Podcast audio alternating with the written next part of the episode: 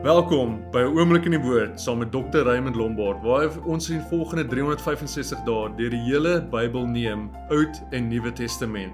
Gaan vandag na raymondlombard.com, kry jou Bybel leesprogram en volg saam deur 'n oomblik in die woord. Geniet dit. Genesis 5 Dit is die stamboom van Adam. Die dag toe God Adam geskape het het hy hom gemaak na die gelykenis van God. Man en vrou het hy hulle geskape en hulle geseën en hulle mens genoem. Die dag toe hulle geskape is. Toe Adam 130 jaar oud was, het hy 'n seun verwek na sy gelykenis na sy ewebeeld en hom Set genoem. En die dae van Adam na die geboorte van Set was 800 jaar en hy het seuns en dogters gehad. So was dan al die dae van Adam wat hy geleef het 930 jaar en hy het gesterwe. En toe Set 105 jaar oud was, het hy die vader van Enos geword. En Set het na die geboorte van Enos nog 807 jaar gelewe en hy het seuns en dogters gehad. So was dan al die dae van Set 912 jaar en hy het gesterwe. Toe Enos 90 jaar oud was, het hy die vader van Kenan geword. En Enos het na die geboorte van Kenan nog 815 jaar gelewe. En hy het seuns en dogters gehad. So was dan al die dae van Enos 905 jaar en hy het gesterwe. Toe Kenan 70 jaar oud was, het hy die vader van Mahalalel geword. En Kenan het na die geboorte van Mahalalel nog 840 jaar gelewe en hy het seuns en dogters gehad. So was dan al die dae van Kenan 910 jaar en hy het gesterwe. En toe Mahalalel 65 jaar oud was, het hy die vader van Jered geword. En Mahalalel het na die geboorte van Jered nog 830 jaar gelewe en hy het seuns en dogters gehad. So was dan al die dae van Mahalel 895 jaar en hy het gesterf. Toe Jered 162 jaar oud was, het hy die vader van Henog geword. En Jered het na die geboorte van Henog nog 800 jaar gelewe en hy het seuns en dogters gehad. So was dan al die dae van Jered 962 jaar en hy het gesterwe. Toe Henog 65 jaar oud was, het hy die vader van Metusela geword. En Henog het na die geboorte van Metusela nog 300 jaar met God gewandel en hy het seuns en dogters gehad. So was dan al die dae van Henog 365 jaar. En Henog het met God gewandel en hy was daar nie meer nie want God het hom weggeneem. Toe Metusela 187 jaar oud was, het hy die vader van Lameg geword. En Metusela het na die geboorte van Lameg nog 782 jaar gelewe en hy het seuns en dogters gehad. So was dan al die dae van Metusela 969 jaar en hy het gesterwe. Toe Lameg 182 jaar oud was, het hy 'n seun verwek en hom Noag genoem. Want hy het gesê: Dit is hy wat ons sal troos oor ons werk en oor die moeitevolle arbeid van ons hande wat voortkom uit die aarde wat die Here vervloek het. En Lameg het na die geboorte van Noag nog 595 jaar gelewe en hy het seuns en dogters gehad. So was dan al die dae van Lameg 777 jaar en hy het gesterf. En Noag was 500 jaar oud. En Noag het die vader geword van Sem, Gam en Jafet. Genesis 6.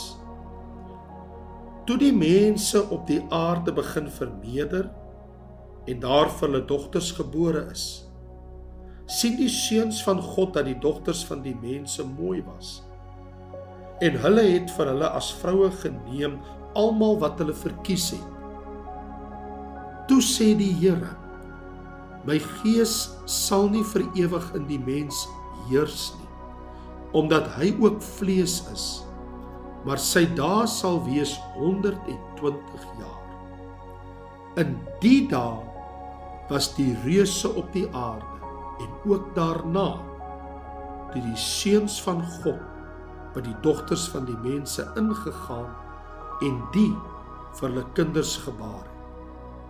Dit is die geweldiges uit die ou tyd, die manne van naam. Toe die Here sien dat die boosheid van die mense op die aarde groot was en al die versinsels wat hy in sy hart bedink altyd deur net sleg was, het dit die Here berou dat hy die mens op die aarde gemaak het en daar was smart in sy hart. En die Here sê ek sal die mens wat ek geskaap het van die aarde verdelg. Die mens sowel as die vee en die kruipende diere en die voëls van die hemel want dit berou my dat ek hulle gemaak het. Maar Noag het genade gevind in die oë van die Here. Dit is die geskiedenis van Noag. Noag was 'n regverdige, opregte man onder sy tydgenote. Noag het met God gewandel. En Noag het 3 seuns gehad: Sem, Gam en Jafet. Maar die aarde was verdorwe voor die aangesig van God. En die aarde was vol geweld. Toe sien God die aarde aan en dit was verdorwe. Want alle vlees het sy wandel op die aarde verderwe. En God sê vir Noag: Die einde van alle vlees het volgens my besluit gekom. Want die aarde is deur hulle vervul met geweld. En kyk, Ek gaan hulle saam met die aarde verdelg. Maak vir jou 'n ark van goeverhout. Met afdelings moet jy die ark maak en dit binne en buite met pik bestryk. So moet jy dit maak. 300 L die lengte van die ark, 50 L sy breedte en 30 L sy hoogte. 'n opening moet jy aan die ark maak. En op die maat van 'n L moet jy dit aan die bokant afwerk en die deur van die ark aan die sykant insit. Jy moet dit met 'n onderste, tweede en derde verdieping maak. Want kyk, ek bring 'n watervloed oor die aarde om van onder die hemel te verdelg alle vlees waar 'n lewensgees in is. Alles wat op die aarde is, sal wegsterwe. Maar met jou sal ek my verbond oprig. Jy moet in die ark gaan.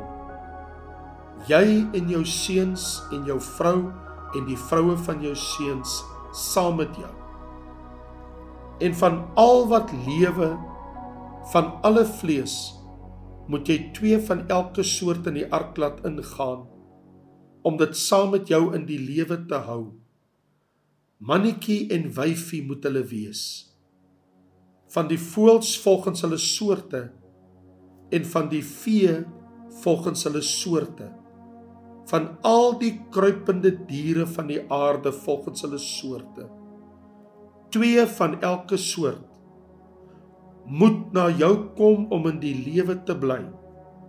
En jy neem vir jou van al die voedsel wat geëet word en versamel dit by jou dat dit vir jou en hulle as voedsel kan dien. En Noag het dit gedoen net soos God hom beveel het. So het hy gedoen. Matteus hoofstuk 3 In daardie dae het Johannes die Doper opgetree en in die woestyn van Judea gepreek en gesê: Bekeer julle, want die koninkryk van die hemele het naby gekom. Want dit is hy van wie deur die profeet Jesaja gespreek is, toe hy gesê het: Die stem van een wat roep in die woestyn: berei die weg van die Here maak sy paaie reg uit. En hy Johannes het 'n kleed gedra van kameelhare en 'n leergord om sy heupe en sy voedsel was sprinkane en wilde heuning. En Jerusalem en die hele Judea en die hele omtrek van die Jordaan het uitgegaan na hom toe. En hulle is deur hom in die Jordaan gedoop met belydenis van hulle sondes.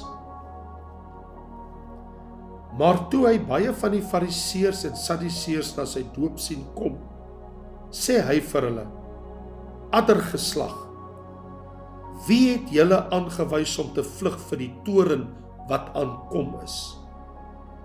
Dra dan vrugte wat by die bekering pas." En moenie dink om by jouself te sê ons het Abraham as vader nie. Want ek sê vir julle dat God mag het om uit hierdie klippe kinders vir Abraham op te wek. Maar die by lê ook al teen die wortel van die bome.